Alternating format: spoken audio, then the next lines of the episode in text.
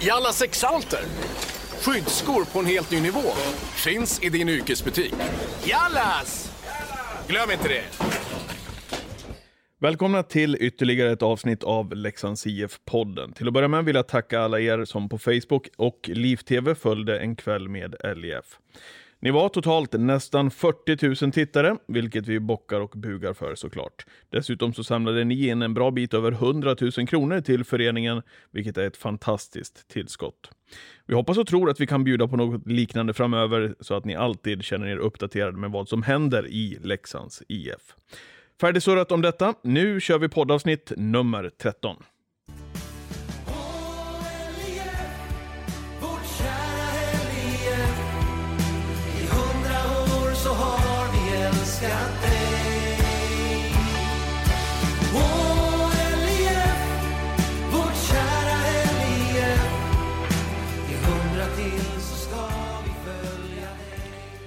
Dagens poddgäst, han är önskad av er därute. Många är nyfikna på honom och han har nog inte gjort sig känd för att stå längst fram på scenen och ta allt strålkastarljus på sig. Däremot så har han en intressant Leksands IF-historia. Givetvis som en av föreningens bästa poängmakare genom alla tider, men han har också hunnit med att vara sportchef, J20-tränare och nu alltså debut som A-lagstränare kommande säsong. Förresten, sa jag någonting om rampljuset? Ja, han har också hunnit vara med i Ringside som sänds på SVT Play. En härlig sportdokumentär om vårt J20-lag. Kanske är dagens intervju också lite speciell för mig. Han är nämligen en av mina allra närmaste vänner och har varit så sedan han kom till Leksand 1995. Därför ligger han mig extra varmt om hjärtat. Det ska jag däremot försöka skala av under den närmaste stunden tillsammans med er där ute. För eh, annars är risken att vi hamnar i privata anekdoter stor. Och jag ska försöka att undvika det. Återstår att se om jag lyckas. Här är han. Jag blev lite paff när jag skrev åldern, för fort har det gått. 49-årige Mikael Challe Karlberg. Välkommen till podden. Ja, tack så mycket. Hur ska det här gå? Eh, ja, men det går bra tror jag. Bra. 49 år Challe, vad snabbt det har gått sedan du kom till Leksand. Ja, fast jag är inte det än. Är du inte? Nej, Är du 48? ja. Har jag inte lärt mig din födelsedag? Jo, för fan, jag är ju nyss fylld. Du har helt rätt. Ja, men jag tänkte, fyllde du inte förra Ja, jag- helgen? Jo, du har helt rätt. Jag, har helt... jag, jag har försökt förtränga det där hela tiden, men jag har sagt det hela tiden. Nej, jag är inte det. Okej, men, Men, du, du eh, konstaterar att du är 49? Ja, just det. Du har helt rätt. Jaha, vad var det jag förstod. Jag pratade med Kristin där, du följde ju förra helgen. Ja, Det vart inget sånt... Eh, kalas. Kalas, nej. nej. det var rätt lugnt. Vi får vänta ett år. Okej. Här är han, 49-årige Mikael Challe Karlberg. Du, eh, jag håller på att säga ett annat smeknamn direkt här. Vi ska väl se om vi kan eh, försöka få ihop den här intervjun så gott det går i alla fall, Challe. Eh, vilken fantastisk hockeyresa du har varit igenom och den fortsätter ju nu i allra högsta grad. Eh, de flesta har ju koll på din spelarkarriär, så jag tänkte att vi skulle liksom försöka fokusera på de senaste åren lite grann, hur det har sett ut för dig och även kommande säsong. Men eh, om vi skulle försöka summera spelarkarriären för dig? Vad minns du tillbaka på framförallt när du blickar tillbaks? Nej, men det är väl de här gångerna eh, i Leksand när man har varit med om och eh, vi har har väl något SM-guld så. Vi var ju nära en gång, vi var i semifinal där och tycker vi kanske borde ha gått i final också. Men de gångerna jag varit med och gått upp är ju självklart det som sticker ut. Jag har varit med två gånger som spelare och en gång som ledare. Mm, förstår det. Och innan du var Leksand så var det Surahammar i början. Var det självklart att det skulle bli hockeybana för din del? Eh, ja, men det var det nog. Eh, Surahammar påminner rätt mycket om Leksand. Så att, eh, vi, vi, eh, vi hade ett ganska bra lag där i Sura där med Tommy Sal och Danne Rydmark. Och, eh, det var många som kom fram där i våra generationer. Johan Hult som är sportchef i, det. i HV också. Eh, också från Surahammar. då. Så att hockeyn är stor i Sura. Var det mycket landhockey och sånt med, med de där grabbarna eller? Ja, det var det. Eh, vi cyklade där. Med målburarna på cykeln cyklade vi över Sura där och mötte de andra kvarteren. Hur var de, Rydmark och Salo? Eh, ja, men Danne, var ju, Danne var ju ruggigt bra. Han var ju kanske bäst i Sverige i sin, i sin ålder. Eh, Tommy var, han var ju målvakt både nej, i, i hockeyn eh, och så var han ju forward i fotbollen när vi spelade. Men han var ju, när vi spelade landhockey var ju han, han låg ju och fiskade mest och ville göra mål. Han, han stod ju aldrig. Gjorde han inte det? Nej, nej, han ville göra mest mål då. Du, eh, har du följt, ja, ni har ju följt varandra åt så att säga, om vi pratar om de här killarna eh, genom karriären. Är du förvånad över att de har lyckats så pass bra, både Rydmark och Salo? Mm, nej, inte, Dan, inte Danne. Han var ju, han var ju, han var ju ruggigt bra. Eh, vi hade ju vårat, eh, jag är 71, Danne är 70, han är ett år äldre än mig och Tommy. Men vi var ju i eh, pojk-SM-final eh, med vårt lag från Sura och det, det är ju ganska häftigt faktiskt. Ja, verkligen. Ja, förlora finalen med 1-0 mot Kungälv Ytterby där Niklas Andersson gjorde mål. Eh, Men vi var runt i de här största kupperna i Sverige och stökade till det lite för de här storklubbarna. Mm, häftigt. Eh, och det blev ju Västerås, men sedermera också en flytt till Umeå och Björklöven för dig senare under karriären. Eh, vad var det som gjorde att du hamnade i Umeå? Eh, ja, helt enkelt så fick jag inte vara kvar i Västerås. Eh, jag var 20 år tror jag, första år som senior. Och platsade inte helt enkelt. Så fick lov att börja se mig om efter eh, alternativ för att fortsätta spela. Och då valde mellan Örebro och eh, Björklöven där då. Så hörde LG Jansson av sig och frågade om jag ville följa med han. Gamla klassiska radiokommentator som man sedermera blev också. Ja, precis. Ja, jag gillar LG. Vi har en bra, bra relation än idag när vi träffas så brukar vi prata lite gamla minnen sådär. Det blev eh, några säsonger där uppe i, i Björklöven. Du kom dit 93 och så kom du till Leksand 95. Vad hade du på känn inför Leksandsäventyret då? För då var det rakt in i SHL ifrån, eh, från Björklöven där du hade en kanonsäsong för övrigt, den sista med 55 poäng på 32 matcher. Men vad hade du för förväntningar på äventyret hit? Eh, nej, men jag hade väl... Jag trodde nog kanske att jag skulle få... Eh, jag hade rätt bra självförtroende när jag kom hit. Tänkte jag kanske jag får nog en större... Att jag skulle få en större roll än vad jag fick. Sen borde man kanske ha tittat i laguppställningen lite noggrannare. Man skrev på. Både Per-Erik och Masken var i landslagscentrar och så var Andreas Karlsson var ju på väg upp och vart landslagscenter. Så att det var ju liksom... Det var ju bara att börja fjärde liksom. Och det var ju där jag, det var där jag hamnade. det var ju det. Ja. det var kanske inte så konstigt med de där centrarna som du räknade upp. Det var ju en hyfsad, hyfsad eh, centerlista. Ja, men vi hade jättebra lag. Jättebra. Eh, och det, när kände du att du på allvar liksom tog de här kliven i, i Leksand som skulle bli så framgångsrika för dig? Eh, ja, men det var nog... Eh, eh, Thomas Jonsson var ju lagkapten när jag flyttade hit. Eh, och när han slutade, då vart ju han assisterande till Sune Bergman. Just det. Eh, och han... Eh, det var ju Thomas som började använda mig som back i powerplay. Och det var ju då jag... Det var direkt då jag kände att jag liksom började bli viktig för laget och kunde vara med och producera liksom. Så att det var väl de åren där, jag kommer inte ihåg riktigt när det var, 97 kanske. Mm. Eller kanske lite senare ändå. Du är du ingen statistiker, så bitare va?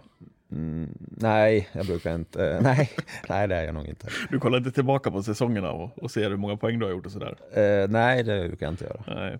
Du, ehm, det blev ju också eh, kanonsäsonger för dig. Till exempel säsongen 2002-2003 här i Leksand. Vann väl poängligan innan det var klart, eller hur blev det där? Ja, vann Det var i- det va? Det var tajt hela vägen in va? Ja, det var jag och Wernbloom och Niklas Andersson tror jag som kampade om det där. Men jag tror jag vann i sista omgången.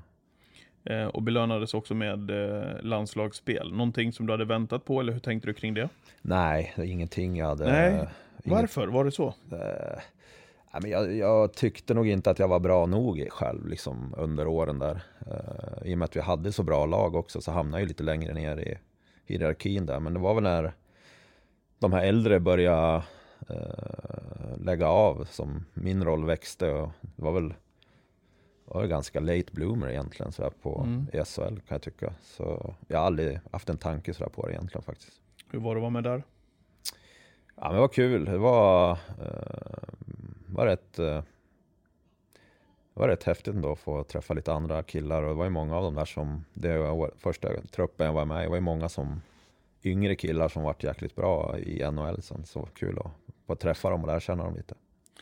Sedan så valde du eh, att sticka iväg till Schweiz. Eh, vad var det som gjorde att valet föll där nere? Efter den här fina säsongen här i Leksand.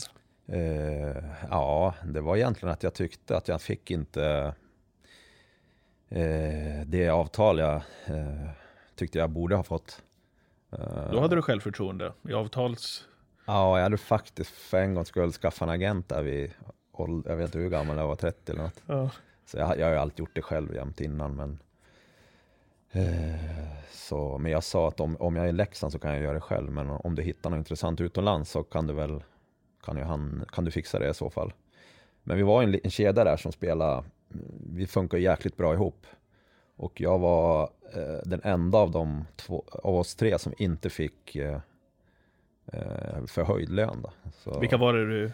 ja, Jensa och Loppan. Jens och Loppan? Ja, och då kände jag liksom att är man inte Är det inte mer värt ändå liksom då, då Är det någon gång jag ska göra något annat så är det nu Och, och det blev Schweiz där och eh, några riktigt fantastiska säsonger i Friborg. Hur var, hur var det där?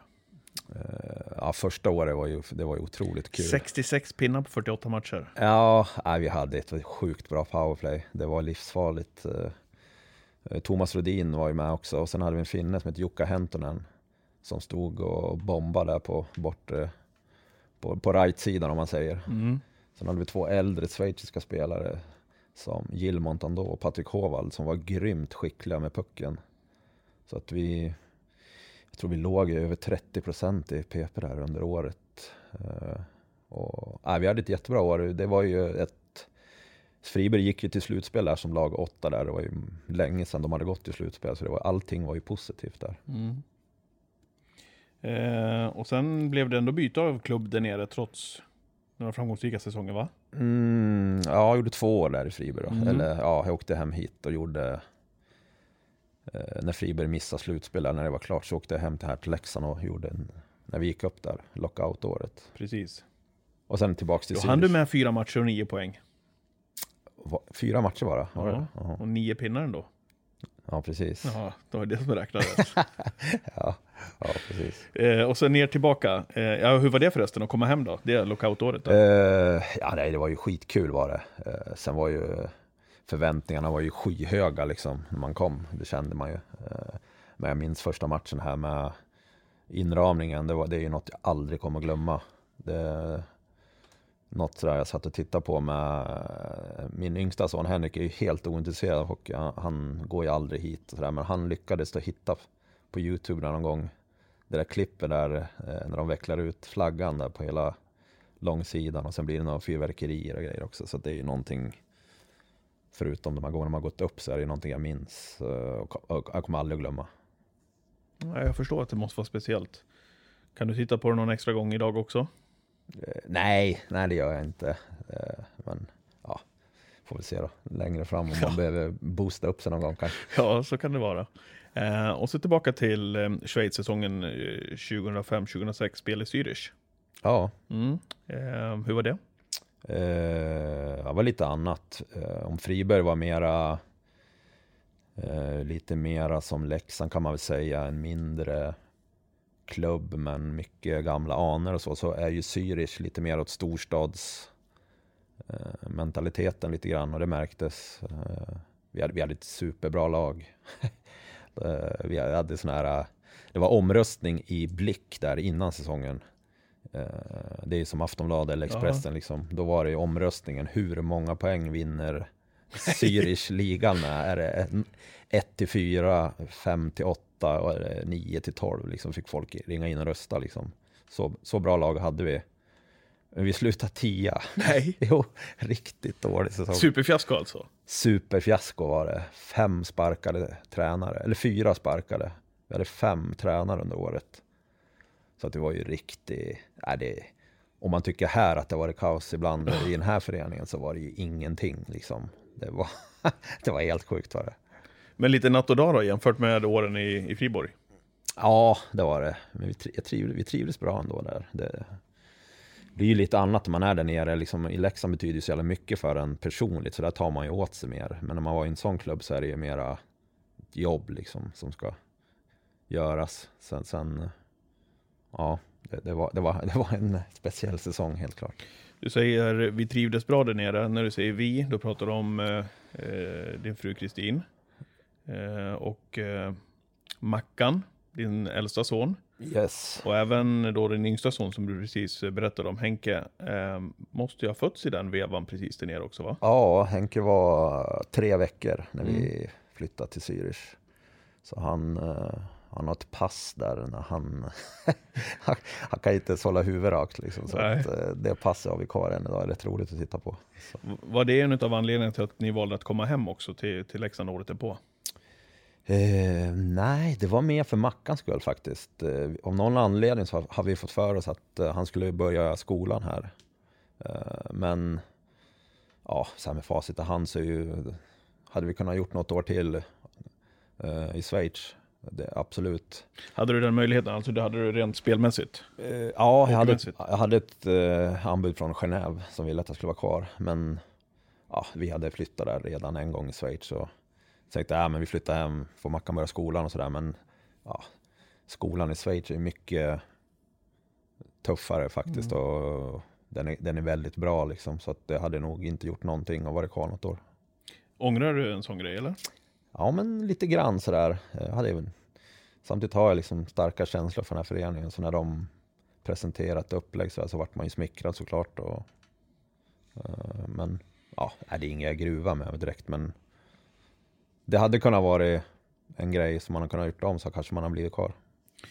Du kom ju hem den säsongen, blev också lagkapten eh, säsongen 2006-2007 i Leksand. Om du sa att det var lite krav och förväntningar när du kom hem där i lockouten, vad kände du då inför den där säsongen? Eh, ja, men Leksand åkte ju ur så att det, vart ju, det var ju inte tanken. Eh, så det vart ju allsvenskan där. Eh, jätte... Ett, ett år som jag... Eh, ett av de sämre åren jag har gjort också tycker jag i Leksand själv. Plus att det... Äh, mycket strul runt omkring tycker jag. Det var... Jag tycker inte vi hade lag alls för att vara med om om att liksom hota om SHL-platserna alls och alla andra tyckte det men det är bara att titta liksom på laget efter och hur vi gick så är det bara, in, så är det bara inse det laget var inte bra nog för att vara med och hota liksom. Nej. Nej, och det, och det blev ju eh, allsvenskan där i den avslutande säsongen där också. Poängmässigt eh, kanonsäsonger ju. Men ändå inte få ta steget upp. Ja, precis. Ja, men jag, jag tycker själv jag hade två, jag skrev på ett treårskontrakt när jag flyttade hem. Första året var ju riktigt dålig alltså. Det var inte något mycket som var bra. Eh, Andra året är helt okej liksom. Men... Men hade det med kraven på dig tror du? Och förväntningarna på dig? Och lagkapten och allt det där att göra? Nej, jag tror inte det. Eh, jag, jag, var, jag var för dåligt tränad helt enkelt. Det tycker jag. Det tog mig... Mitt sista år mitt, som jag gör i Leksand, det tycker jag själv är ett av mina bästa år jag någonsin har gjort. Mm. Eh, men då... äh, Men då var det liksom, det, det kändes bra att få avsluta liksom en bra säsong tycker jag. Så... eh, ja, nej. Det, det, det var ett bra år tycker jag, de där tre bara. De andra var inte något märkvärdiga. Sista matchen då, i Leksands IF-tröjan. På professionell nivå. Du var ju med i 100-årsmatchen också, men kommer du ihåg den matchen? Den sista matchen för dig? Ja, jag kommer ihåg Södertälje borta. Mm. Uh, betydelselös match. Så på det viset var det ju, var det liksom inget mär märkvärdigt på det viset. Det hade kanske varit roligare att få avsluta på hemmaplan. Men uh, ja, jag fick i alla fall avgöra. Uh, sista gången jag rörde pucken så gick han i mål. Så det var lite roligt. Mm. Kan väl lyssna på hur det lät. Karlberg får avgöra det här i sin sista match. Det vore Ett drömscenario vore det här mina damer och herrar. Mikael Karlberg, 37 år, snart 38. Det här är det sista han gör på isen i Leksand. Mikael Karlberg. Den går in. Jodå, den smyger in och Mikael Karlberg får ett slut och ett härligt leende från Karlberg. Det är Challe, som han kallas, som avgör i straffläggningen. Den smög in till slut. Han brukar, är han brukar sätta dem där eh, på den sidan lite över benskydd och under. Han har lite tur där. Målvakten är där, men eh, den rullar in. Och det är roligt för Karlberg. Grattis! Ja, verkligen. Eh, Mikael Karlberg alltså gör det avgörande målet. Och eh, spiken hyllar och hyllar, men han nämner hans namn nu eh, som eh, så kallad avslutningsskytt och lite matchhjälte får vi väl ändå säga. Eh, och han var ju inte speciellt i straffen. stolpe in. Han erkände att den här matchen var väl lite si och så med, med tanke på att eh, det redan är avgjort. Men sen har det kommit på det tiden där att det är faktiskt sista matchen. Så det är dags att kliva fram. Ja, det är bra. Han eh, har bra tryck i det skottet då, och vet hur han ska sätta den. Han sätter den där eh, när han kommer i straffsituation. Då eh, är det väl eh, hög tid va, att lämna till dig Marita. Varsågod. Ja, Mikael Karlberg kom alltså upp i 494 poäng. Mm. Det är kul att lyssna på. Ja, ja vad kul att höra. Och länge sedan du gjorde det kanske. Ja, ja, jättelänge sedan. Jag vet inte om jag har hört det ens, men det var kul. Jag är nöjd med det, Borken. Ja, jag var förvånad. Han var, han var så positiv. Du, du drog ju på dig Leksandströjan här under fjolårssäsongen också, men i en helt annan roll i, i eh, 100-årsmatchen. Ja, Hur var det? Eh, ja men det var, det var ju skitkul. Eh, eh, är det något man saknar sådär är det ju att få den här pulsen och nerven att gå in till en match i en fullsatt arena. Det är ju någonting som är svårt att hitta så här eh, när man har slutat spela. Så att det var kul att stå där i, i gången och vänta på att få höra sitt namn. Och så, man- det var ett jäkla liv på läktaren så det var, det var, det var jättekul. När vi summerar din eh, karriär just här i Leksands IF, vi hörde Marika Eriksson också där på, um, i det här klippet eh, kommentera totalpoängen med 415 poäng i bara Leksands IF. Det placerar dig som sjätte mesta poänggörare i den här föreningen. Är det någonting du tänker kring? Nej, jag har väl inte tänkt så mycket på det, men när man blir påmind eh, om det så är det ju det är ju någonting jag är jättestolt över. Jag, att vara där uppe bland de där namnen är ju nå- någonting som ja, men det, det, det värmer i hjärtat, det gör det. Är det några skapliga namn du har före där?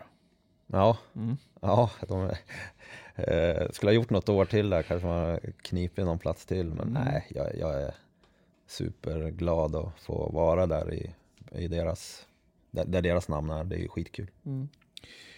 Efter avslutad eh, spelarkarriär, vad kände du kring hockeyn då? Var det givet att fortsätta den banan på något vis? Mm, nej, jag visste nog inte riktigt vad jag skulle göra. Eh, gjorde egentligen ingenting där på ett halvår. Eh, där under, ja, jag tror efter julen någon gång som, eh, jag tror det var Håkan Åhman som var vd då. Så fick jag komma tillbaka och börja hjälpa till på hockeygymnasiet lite grann, bara jättelite, två, två, tre gånger i veckan bara. Och så ja, började den där rollen att växa och jag tog utbildningar och gick kurser för ledarskap och kände att ja, men jag tyckte det var kul. Det, jag, har haft, jag har inte ångrat mig någonting att jag kom tillbaka där, den vägen. Jag förstår det. Eh, och sedan så skulle du hoppa på en eh, tuff roll i många ögon. Eh, sportchefsjobb överhuvudtaget är tufft på elitnivå. Kanske i synnerhet också i Leksands IF. Eh, vad kände du inför det uppdraget som du hade tillsammans med Fredrik Jax? Uh, ja men det var, jag har ju sagt innan liksom att tar man de jobben, liksom, de, de kan ju inte vara normala de människor som tar det. För det, det är ju som, ja men det är ju, då jäklar lär du ju kriga alltså. Det, det är ju tufft. Eh, men ja, vi vart ju mer eller mindre övertalade och eh, ja, men mer tänkte på det sådär också. Leksand låg sist i Allsvenskan. Eh, vad- vad kan gå sämre liksom? Så att till slut så när det vart att jag och Fredrik skulle dela lite på det, då kändes det som att ja men kul att ha någon med sig och eh, vi, vi, vi testar, vi kör. Vad var det ni framförallt eh, tog er an då, om man säger det rent sportsligt? Vad ville ni förändra? Eh, ja men vi tyckte väl att eh, det vart ju tränarbyte då. Eh, ganska, ganska direkt när vi kom in. Det var ju någonting vi sa att vi, vi kommer inte stå för något tränarbyte liksom om vi ska komma in utan är det något sånt beslut som ska tas då, då får ni göra det. Vi, vi vill fokusera på, på sp- spelet och eh, spelartruppen. Men det gick ju, ja, det gick ju bara någon vecka tror jag. Så där så var det ju så var det dags för tränarbyte. Eh, så att, ja, men vi, vi började kolla spelare. Vi började titta, i och med att det inte fanns, eh, vi hade ju ingen budget överhuvudtaget liksom, utan det var ju att byta en mot en annan. Det var ungefär så vi fick göra. Och sen fanns det någon peng, ja då kunde vi åka och titta på någon liksom och så fick man ju börja bygga. Det var jättesmå medel och så tog vi upp några juniorer också som vi tyckte liksom det kommer att det kommer att stärka truppen plus att folk som går hit och tittar vill se unga killar också. Så det Mm. vart lite vändning där, det är ganska fort faktiskt. Vad var det som gjorde att det blev som vändning då, som du ser det, Challe? För det där är ju en säsong i Leksands IFs historia som verkligen har etsat sig fast. Ja, ja men den är ju, den sticker ju ut alltså, den är ju helt enorm. Ja, men jag tycker också att när Perra kom in, eh, han, han fick eh, laget att slappna av och sänka axlarna lite grann. Plus att han tog över ett jäkla vältränat lag efter Tjur Robert. Det, ska man ha med sig. Tjur gjorde allt i sin makt för att få det här att vända, men eh, och de tränar jäkligt tufft. Så att Perra kom ju, han fick en tacksam roll på det viset. Och så han fick göra de grejerna han är bra på. Det är ju liksom att jobba med individer och få killar att slappna av. Så att det är väl liksom en kombination av det tror jag. Och hela vägen fram då till avslutningen där, hur, hur upplevde ni, ni den? Avslutningen mot Modo. Ja, nej precis. Det var ju... Ja, men först var det ju liksom bara att undvika negativt kval. Liksom. Man ville ju inte åka till Borlänge och kvala neråt. Det var ju, det var ju Kommer typ det var så. sur- Det var surr om det. Ja, herregud, det var ju verkligen det. Det var ju på liv och död liksom. Och sen efter det så var det, ja okej, ja men vi kanske kan komma. Då var det ju så här, vi låg i in- ingenmansland, men kan vi inte komma upp bland de där åtta då, så vi får ha en kul avslutning här och bjuda fansen på något kul här på slutet i alla fall. Lite extra matcher. Eh, och sen vann vi vann ju allt till slut, så jag tror vi hamnade femma. Jag tror vi var där fyra, femma någonstans. Så vi var ju med i den där serien. Helt plötsligt var vi liksom hade vi läge att gå upp i SHL liksom. det, det trodde man ju aldrig. Tänkte du det inför Modo där då, som var storfavoriter? Nej, När men, ni väl var där framme? ja, nej, men jag trodde aldrig att vi skulle gå upp. Det trodde jag inte. Däremot så var det ju så jäkla positivt allting. Jag tror aldrig jag varit med om att det har varit sån eh, härlig känsla runt klubben någonsin. Liksom. Det var vad vi än gjorde så hade alla varit glada efter. Även om vi inte hade gått upp så hade det varit en säsong som ändå var, det pekade åt rätt håll till slut. Häftig avslutning du. Ja, det var ju... Ja, nej, det var... Det var menat att vi skulle upp faktiskt. Och så följde då SHL eh, säsongen därpå. ehm, och ni gjorde det som ingen trodde var möjligt, att vända den där tuffa säsongen mot, mot att gå upp. Ehm, vad hade du för känslor och tankar inför det året eh, i din roll? Ja, eh, ja men först och främst så hade vi ju nästan hela truppen klar. Så det var ju svårt där hur vi... Eh, ja, hur ska vi göra liksom? Men eh, vi, vi hade tuffa förutsättningar. Det, det var... Föreningen bestämde att var, ekonomin var viktigast och det skulle gå före vilken division vi spelade i. Så att det, det året var ju, det var rätt tufft. Eh, Jag tycker vi slet på och gjorde ungefär, vi var med ända in i januari faktiskt. Och fightades om den här plats 12 liksom. Men där och då någonstans så, så när vi förlorade någon match där mot Örebro där så tappade vi gnistan lite grann. Och sen vart det väl, ja, det vart ju, det, det höll i sig liksom. Vi hittade inte tillbaks tycker jag sen resten av säsongen heller. Vad kände du att ni hade för förutsättningar att jobba med? Eh, nej, men så här med facit i hand så, så hade vi ju inga förutsättningar alls. Eh, vi hade ju en budget som är, det var ju liksom, var inte i närheten av de andra. Eh, om man jämför med Oskarshamn i år så hade vi ju mindre, de har ju mer i år än vad vi hade då. Så att eh, det var ju liksom, ja, ha- hade vi, hade vi grejat SHL det året så hade det varit en större bragd än när vi gick upp. Du menar det? Ja, absolut. Absolut. Hur, hur tog det på dig som person då? Och även i din sportchefsroll när det gick tungt och vi inte lyckades hålla oss kvar?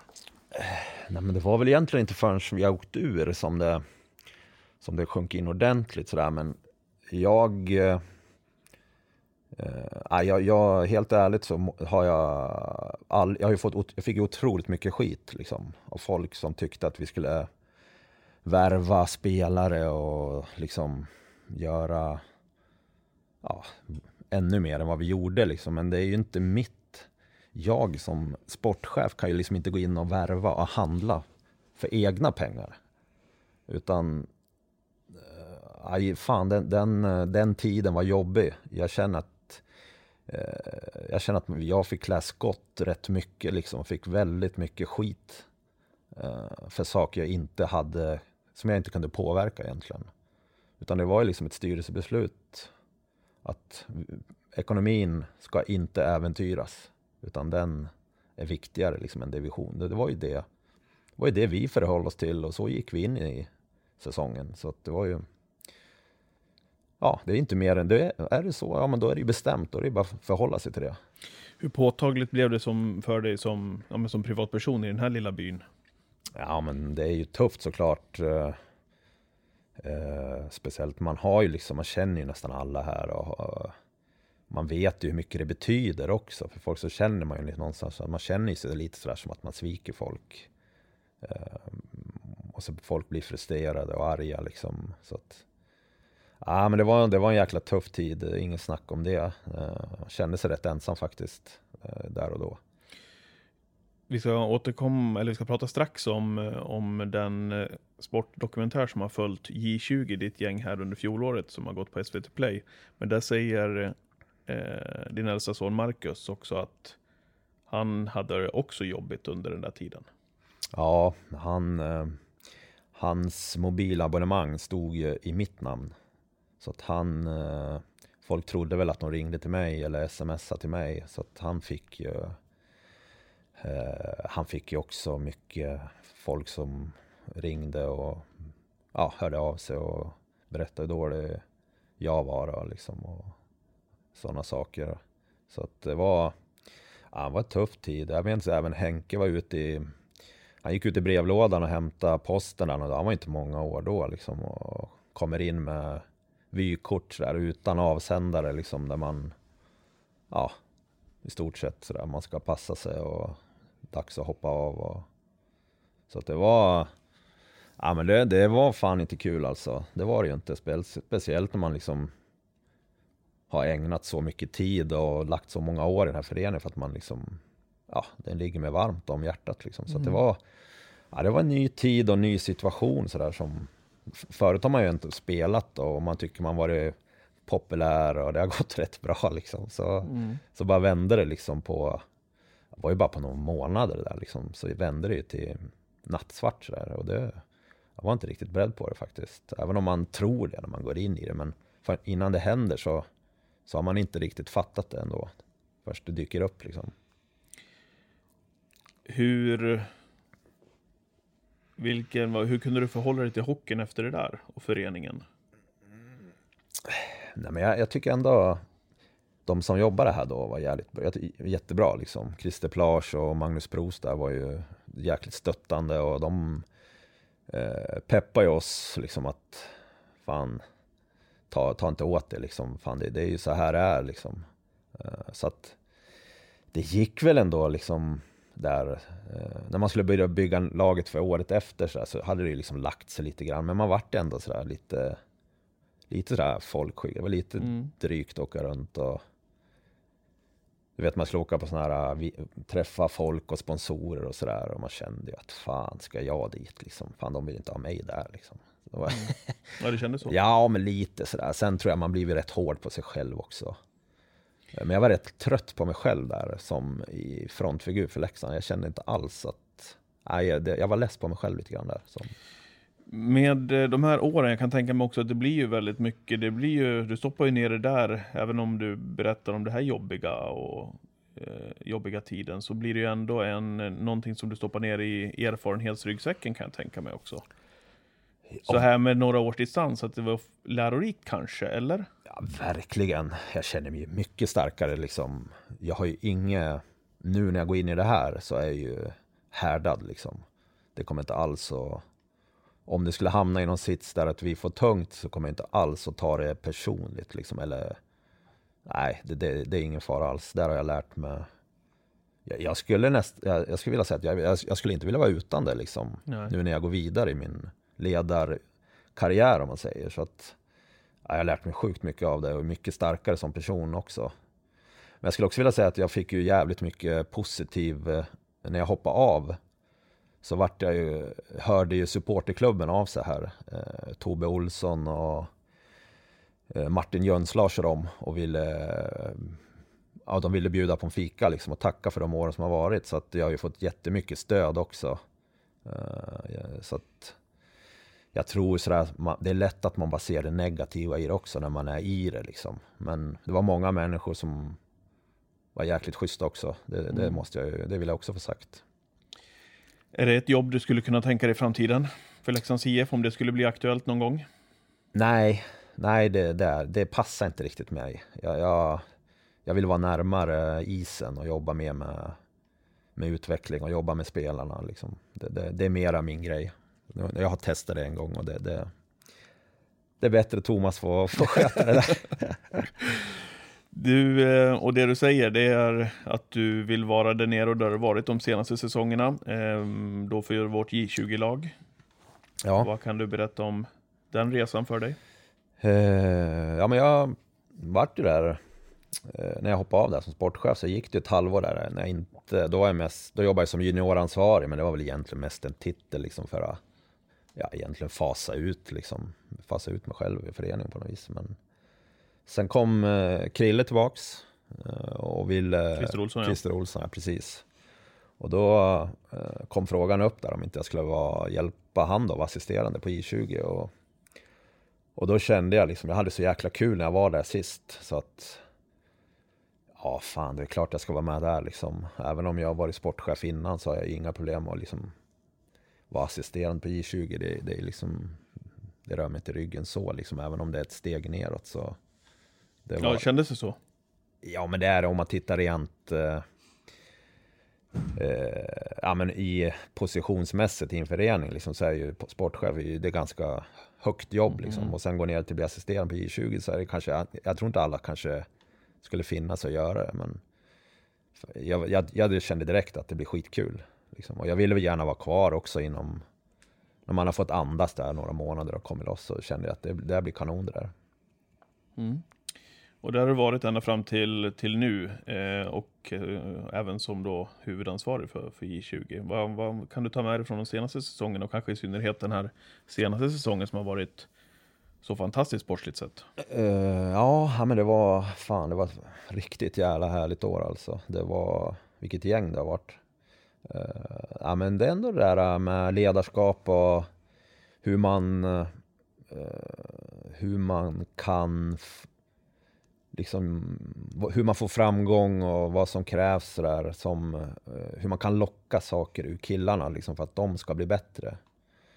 Eh, alla är ju liksom olika, det gäller att hitta någonting eh, i varje individ där som man kan liksom försöka få med dem på en resa där de också vill bli bättre och att man kan hjälpa dem i det. Och där tycker jag liksom vi, vi hittar någonting direkt alltså. De, det var liksom, vi pratade inte så jäkla mycket om resultat och sådär utan det var mera eh, hitta ett sätt att spela som gör att, eh, att man utvecklas. Eh, och det tycker jag vi gjorde. Det var en tuff eh, försäsong där. Vi vann inte så mycket på försäsongen men vi tragglade på där med vårt sätt. Och sen när serien började så var det som att allt föll på plats. Vad, vad är din filosofi som, som tränare? Du pratar om att se individer och, och sådär. Ja, ja men först och främst så är det ju något som inte liksom tycker jag har kommit fram riktigt i den här säsongen. Det är ju att kravet är ju stenhögt liksom. Det, det man gör i gruppen och det man gör varje dag, det, det måste ju vara hur högt som helst. Liksom. Det finns inget annat. Det, har- det har inte riktigt kommit fram, men de här killarna har ju, de har ju blåkört liksom varenda träning. Eh, så matcherna har ju blivit rätt behagliga för dem att spela. Eh, och där har liksom, det vi har gjort är att vi har ett spelsystem som är väldigt mycket give and go. Det är mycket passningar och hitta lösningar och flytta på fötterna för att vara spelbar. Eh, och när det börjar sitta då, speciellt om man ska spela sig ur egen zon, så blir det att du värdesätter de grejerna på match. Så att resultatet i slutet av matchen är inte riktigt, det är längre bort. Mm. Så att det, du börjar liksom inte att tänka på att vi måste vinna. Utan det blir att vi ska spela vårt spel, vi ska spela bort de här. Och där tycker jag liksom det vart, vi satte en jäkla stolthet i vårat spel. Eh, och det gjorde att killarna växte, tycker jag. Och man får ju också som sagt följa hela gruppens eh, resa den här säsongen i, i Ringside i sex avsnitt är det väl va? Ja, precis. Mm. Eh, kan rekommendera alla som sitter och lyssnar på den här podden. Har ni inte sett det så gå in och kolla på SVT Play och följ J20-lagets eh, framgångar som det ju var. Hur var det då för dig och killarna att få en kamera som följde er eller flera under några veckors tid? Ja, ja precis. Ja, men det var, eh, de hörde ju av sig där i SVT i oktober tror jag någon gång. Rätt tidigt var det och ville, ville göra någon, en riktig grej på den här serien Eagle som de sände på SVT Play. Mm. Och då tyckte de att, eh, ja, i och med att vi gick bra också, vårt lag, och sen Leksand är en liten ort, precis som Eagles eh, är ju det också. Och sen tog vi vidare det till våran, eh, till Andreas Hedbom då. Och sen fick han eh, ta det vidare och sen eh, när det var okej därifrån så då kom de upp hit och träffade oss och filmade lite några, några dagar då innan de bestämde sig för att vi skulle göra den här serien. Mm. Hur tog det emot av grabbarna? Det är några som spelar lite mer huvudrollsfigurer där ju och några som håller sig lite mer i bakgrunden i, i serien. Ja, precis. Ja, men vi sa det att vi, om vi ska göra det här, då gör vi det fullt ut. Eh, så att det var, det vart ju det direkt, där första matchen de skulle filma så låg vi under tror jag, eller om vi förlorade liksom. Så börjar de ju direkt, killarna liksom bara, här bort med tv-team, de ska inte vara här. Ja, precis. Så nej, nu vi stämma i bäcken direkt liksom. Det, det, det är tuffa tider ibland och det går bra ibland och de ska vara med hela vägen ut. Men jag tror serien är sådär, det var, den vart annorlunda än vad jag trodde. Jag trodde inte att det, var, att det skulle vara så mycket fokus på några stycken sådär. Jag trodde det var mera, eh, det har varit lite annorlunda om man säger så. Jag trodde nog att det var Mm. mera, att fler skulle vara inblandade i det. Är du nöjd med resultatet då, av det du ser? Ja men, ja det får väl nästan ni svara på. Men nog, eh, jag tycker ändå att det är rätt bra reklam för eh, våran förening och hur vi jobbar med människor. Liksom, att det, det, det, är, det är inte bara att det ska avlas hockeyspelare till varje pris, utan det är människor också. Eh, och det fick vi dig att eh, höra i ett av avsnitten också, eh, som etsade fast hos mig lite grann. Vi är ju många i föreningar runt omkring som har blivit bortskämda med era resultat i år, Challe. Mm. Men en av de matcherna som de följer är hemma i Djurgården, hemma 08. Ja, Eh, så jävla sluta. ja, verkligen. Eh, och man får följa dig lite, lite extra också i, i det avsnittet. Ja. Vad var det som hände där? Ja, det var tur att de inte... De snällaste orden tror jag kom fram. Vad fan är det frågan om? Ja.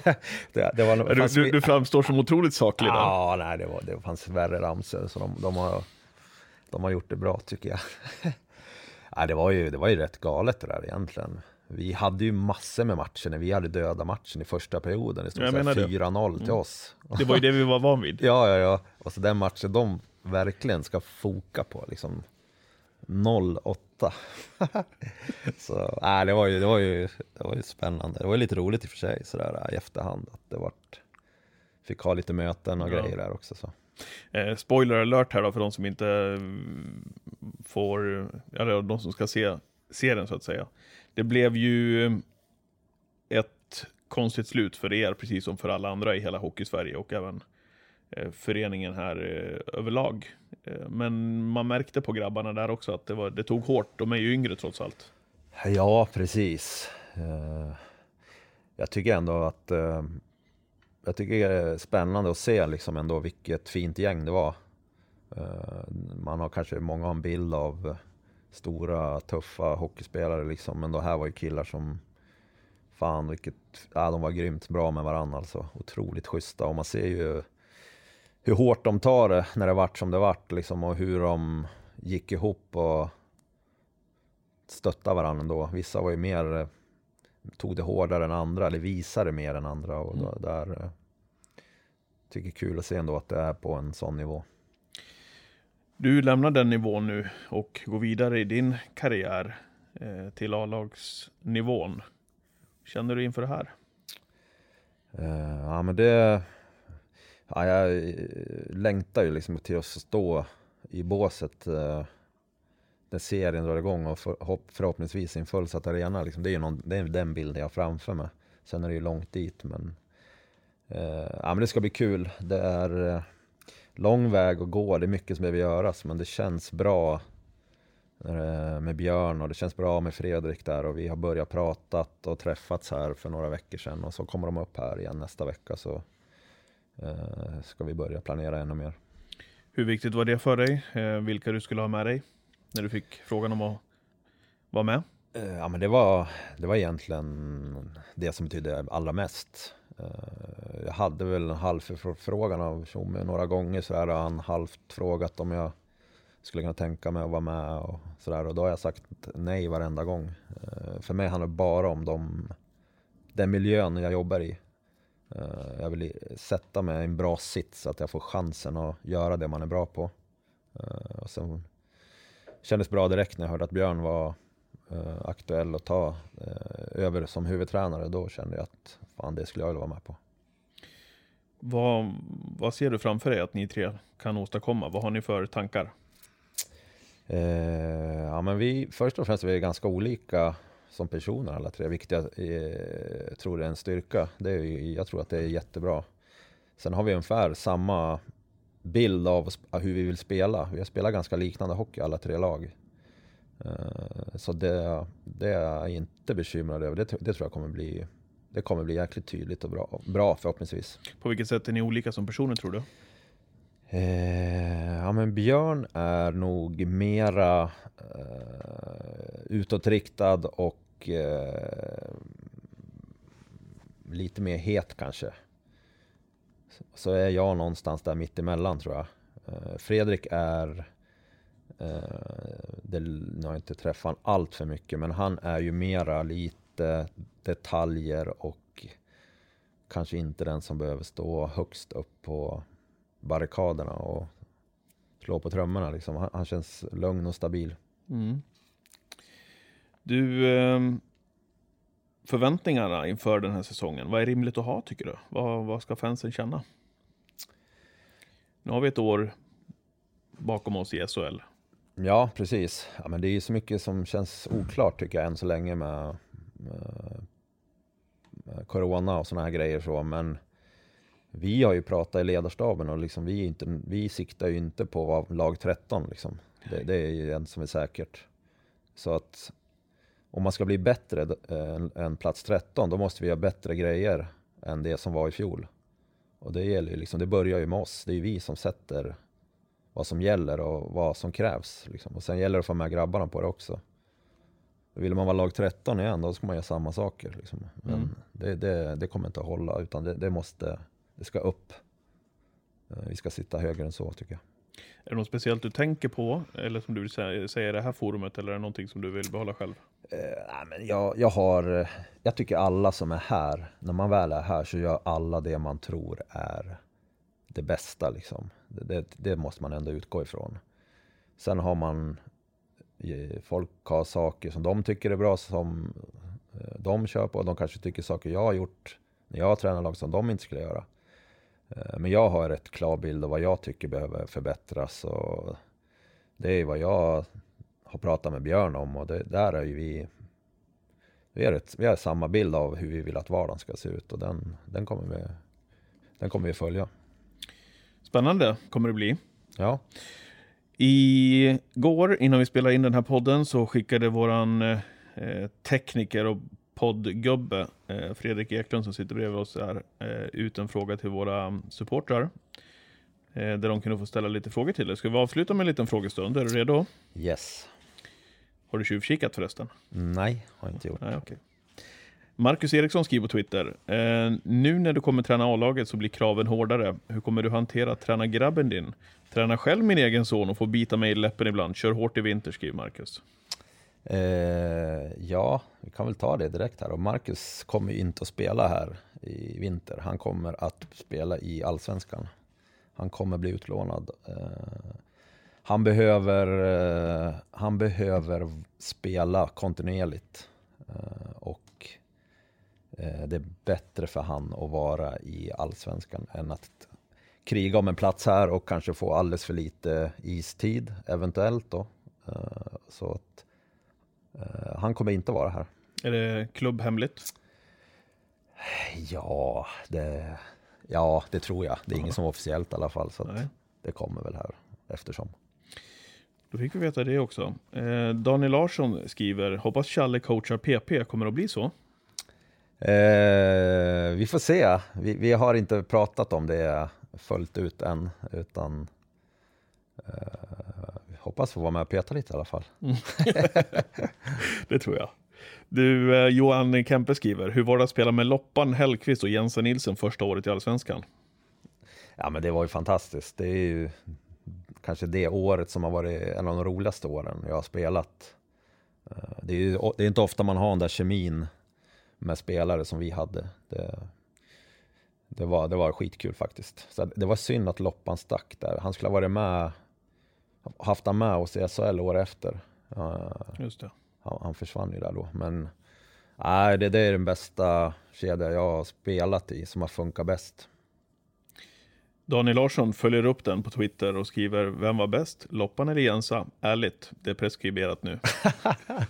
Ja, men eh, de var ju helt olika spelare. Jensa var ju mera framspelare kanske och Loppan var ju avslutare så att det går inte att säga det ena eller det andra på det viset tycker jag. Firsov skriver på Twitter, Hej, kommer du att våga bänka spelare så att det blir konkurrens på framförallt forwardsidan? Till exempel Rittola och Wenström, som ibland ser ut att ta det lite piano på planen. Ja, precis. Ja, vilken fråga. Ja, Eh, ja, men jag, jag ser eh, jag ser det inte som så, liksom, hålla på och bänka spelare. Det, det är klart att det är klart det kommer bli så, men våran uppgift som ledare är att se till att det inte behöver bli så. Det är att, eh, så, så tänker jag i alla fall. Eh, jag, jag är inte så här mycket för konkurrens om jag ska vara ärlig. Jag tycker inte, jag tycker det, det kan vara bra, men eh, jag tycker hellre att man ska ha en lite mindre trupp och sen är det upp till oss ledare att se till att de som är med, de ska fan bli bra liksom. Så, eh, och det, jag tror eh, konkurrens ibland nu för tiden, hur det är, kan vara svårt för folk. Jimmy Gokartarenan Jakobsson skriver, hur ser, det ut, hur ser du på spel i powerplay och boxplay gällande vila eller icke vila för en spelare som eventuellt spelar i båda? Eh, nej, men ofta tycker jag ändå att de skickligaste spelarna är de som kanske ibland också är smartast i boxplay. Men det handlar också liksom om att ha alla med sig i en grupp. Eh, om vi har offensiva killar så ska de få göra det de är bra på. Och då gäller det att se till att de här defensiva killarna känner en stolthet i det de gör också. Så att det handlar om att ha alla med sig så länge som möjligt. Här är en lång fråga från Mikael Andersson, ska försöka summera den. Du har väl svarat på lite grann av hans fråga här i alla fall. Eh, han skriver, personligen tyckte jag i fjol att Leksands IF ofta inte klarade av att matcha andra SHL-lag när det kom till speltempot. Som jag såg det. Det blir en tydlig bättring efter tränarbytet. Hur är Challes syn på detta? Jag har svårt att köpa att det berodde på försäsongsträningen. Uh, ah, jag vet inte om jag håller med riktigt. Uh, jag såg ju inte nu, jag såg ju inte alla matcher men jag tycker ändå Leksand, uh, det tycker jag inte var deras problem. Det, tyck, det kan jag inte påstå. Det var mera, det jag såg så var det spelet framför båda kassarna tycker jag som, som saknades lite grann. Där.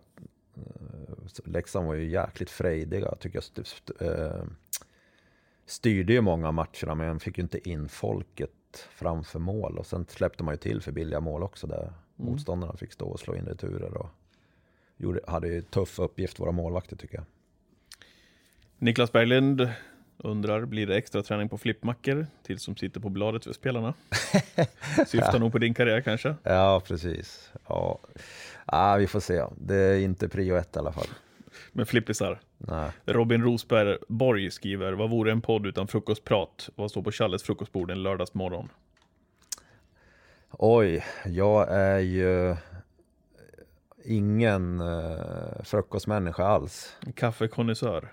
Ja, nej, där är jag ju, när jag var i Schweiz där så lärde jag mig tycka om kaffe ganska mycket och där, jag har lagt pengar på en bra kaffemaskin faktiskt. Ja, när det kommer till, till kaffe, då har du gott självförtroende.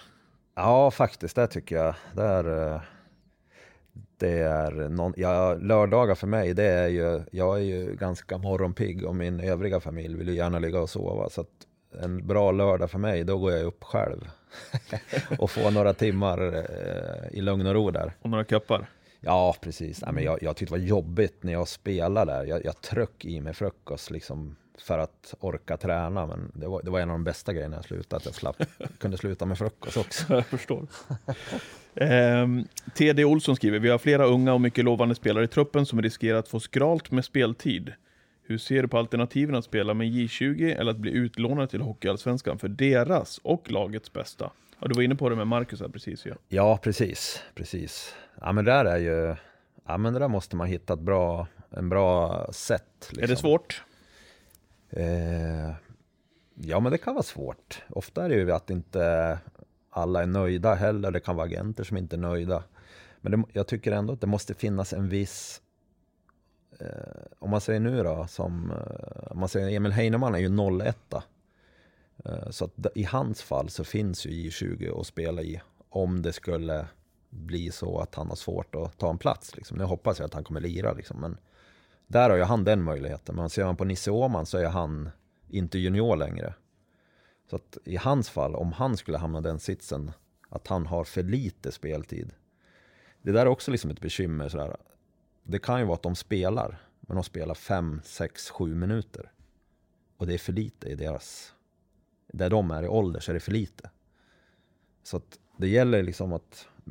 Jag hoppas att båda spelar så är det ju ingen snack liksom. Nej. Men de, de ska ju vara bra hockeyspelare i Leksand i många, många år. Det är ju liksom tanken. Så att där eh, gäller en bra dialog om det där. Kul att få följa med de där killarna som du nämner upp också tillsammans. Ja, skitkul. Skitkul. Det ska bli, det ska bli kul att följa dem här.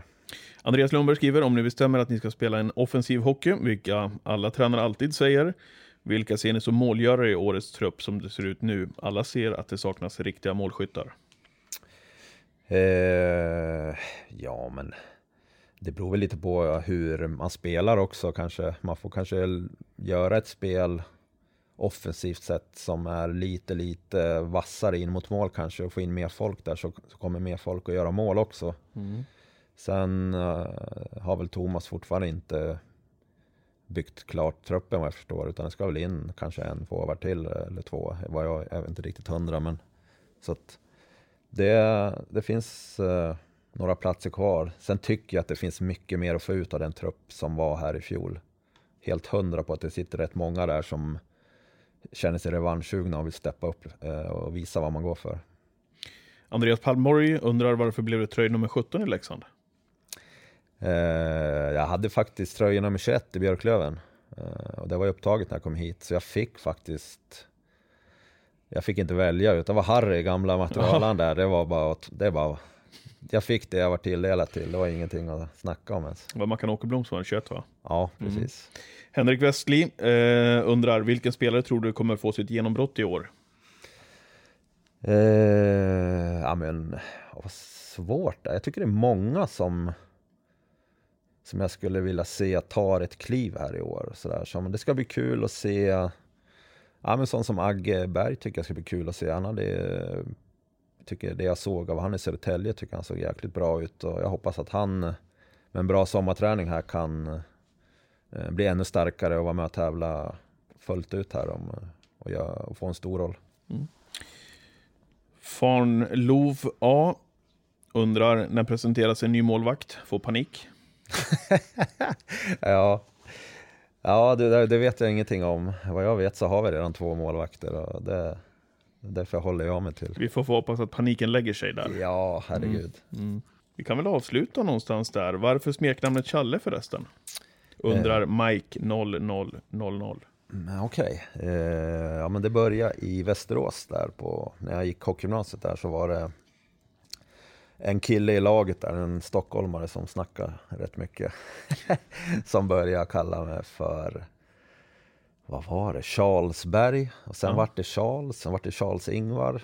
Och, och så slutade det med att det Ja, var, den, den ska vi börja med här tycker jag. ja, Sickan. Ja, Eh, och så vart det en variant på det, då vart det Challe till slut. ja okej. Och det trivs du med? Ja, det är nog bara morsan som säger mycket åt mig än så länge. Mm. Ja, precis. Ja, jag trivs med det. Ja, bra. Du, eh, vad ska du göra resten av dagen? Eh, du, det vet det tusan vad det Jo, vad var det jag skulle göra? Jag hade någon to-do-list hemma jag skulle göra. Som du har Eh, fått av frun? Yes, det Okej. var någon bord som skulle målas och grejer. Jaha. Lycka till med det. Ja, tack, tack. Och eh, stort tack för att vi fick låna dig i podden. Ja, Stort lycka till eh, kommande säsong. Mm. Jättespännande att lyssna till dig, Mikael. ja tack. Tack för att ni där ute också har lyssnat på Leksands IF-podden igen. Fortsätt att sprida budskapet om den. Eh, det blir vi jätteglada över. Tack till klippare och tekniker Fredrik Eken Eklund. Vi säger på återhörande ifrån Leksands IF och podden i synnerhet. Hej hej! Har aldrig sett den lysa så förut På oss som alltid haft den rätta viljan Som aldrig trott att drömmen ska ta slut En dag så står vi högst upp på det berget. Vi ser allt det som vi kämpat för där. Och så klart som solen lyser våra färger. Vi vet vi kommer alltid finnas här.